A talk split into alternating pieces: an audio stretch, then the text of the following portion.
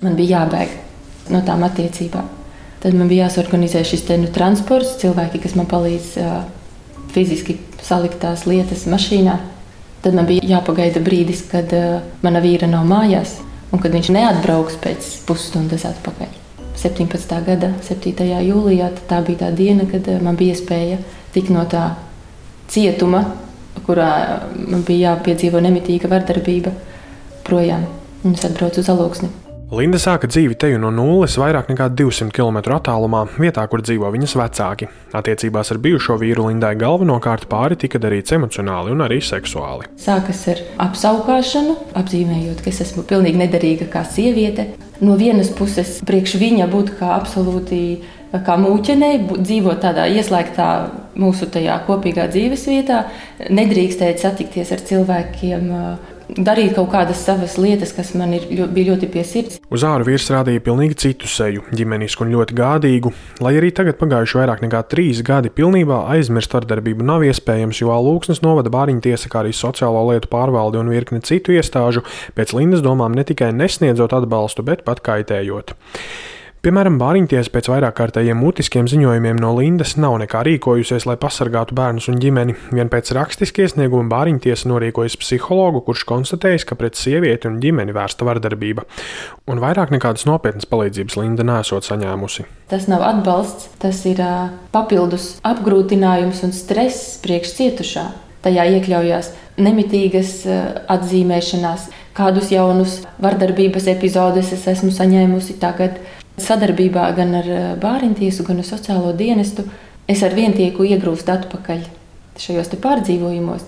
Un eh, es nonāku situācijā, ka man ir jāsāk aizstāvēt sevi pret šīm iestādēm. Iesniedzot prasību par laulības šķiršanu tiesā, esot bijis arī jautājums par tēva saskarsmi ar bērniem, un tad bāriņtiesa ļoti sākusi interesēties par Lindu. Devušies nemitīgos apsekojumos, tostarp arī vēlu vakaros, ja bijušais vīrs izdomājis uzrakstīt bāriņtiesai. Linda uzskata, ka iestādes atklāti bez pamatojuma nostājušās bijušā vīra pusē, vai tās ir bijušā vīra ietekmētas, vai iemesls ir kāds cits, Linda gan droši nezina.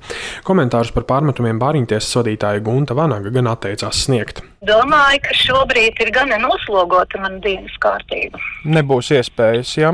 Nebūs gan iespēja, un nekomentēšu gan. Vanaga uzsvēra, ka konkrētus gadījumus neļauj komentēt datu aizsardzību, tomēr nekādi pārmetumi par bāriņtiesas bezdarbību nevarot būt pamatoti. Arī Alūksnes sociālo lietu pārvaldē norādīja, ka komentārus par konkrēto gadījumu nesniegs.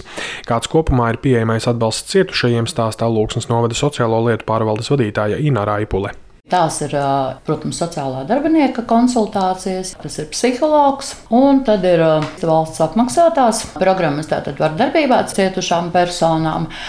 Un arī vardarbību veikušu personu sociālā rehabilitācija. Vardarbībā cietušās sievietes pagājušajā gadā ir viena izmantojusi šo pakalpojumu, šogad divas. Protams, arī uz grupu nodarbībām. Tātad mēs nevienu nevaram piespiest šo vardarbību veikušo personu. Raipuli atzīst, ka vardarbība ģimenēs ir aktuāla problēma arī alūksnē, un aizvadītajos gada 11 mēnešos saņemti 88 policijas ziņojumi, bet upuru vēlme piedalīties programmā esot zema. Latvijas pašvaldības savienības padomniece veselības un sociālajos jautājumos Ilza Rudzīte skaidro, pieejamība pakalpojumiem pašvaldībās ir ļoti nevienlīdzīga. Ne visās vietās ir psihologi, kuri ir gatavi strādāt ar vardarbībā cietušām personām. Un arī, protams, no sociālo dienestu, sociālajiem darbiniekiem tas prasa viennozīmīgi papildus gan apmācības, gan papildus zināšanas, gan arī spēju strādāt ar šiem vardarbībā cietušiem cilvēkiem. Un tādēļ šie pakalpojumi šobrīd vēl ir atšķirīgi dažādās Latvijas teritorijās. Tādēļ svarīgi izglītot vairāk sociālo dienestu darbiniekus, kā labs piemērs Čakavas novads, kas bijis viens no tiem, kas piedalījies metodikas darbā ar vardarbību veikušām un no tās cietušām personām pilotprogrammā. Tas palīdzējis celt profesionalitāti un spēju risināt plašāku vardarbības situāciju loku. Divi novada sociālajie darbinieki šobrīd iziet arī apmācības, lai grupu nodarbības vardarbības veicējiem varētu veikt uz vietas novadā. Sociālā dienesta vadītāja Agnese Mence Katkeviča skaidro, visbiežāk ģimenēs dominē emocionālā un fiziskā vardarbība. Novadā cietušajiem piedāvā psiholoģisko palīdzību, valsts programmas un plašu citu pakalpojumu spektru. Papildus mēs piedāvājam bērnu emocionālā audzināšanu, kas ir uh, bērnu vecākiem, kuriem bērni ir no 0 līdz 7 gadu vecumam. Tāpat ir ceļvedes audzinot pusaudzi. Kas ir no 11 līdz 16 gadu veciem.